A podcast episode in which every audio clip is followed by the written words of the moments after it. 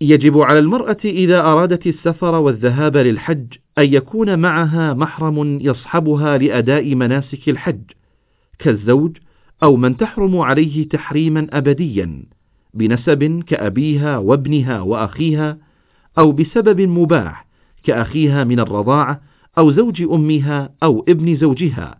قال صلى الله عليه وسلم لا تسافر المرأة ثلاثة إلا مع ذي محرم متفق عليه. ويشترط في المحرم أن يكون مسلما عاقلا بالغا فإن أيست المرأة من وجود المحرم يلزمها أن تنيب من يحج عنها.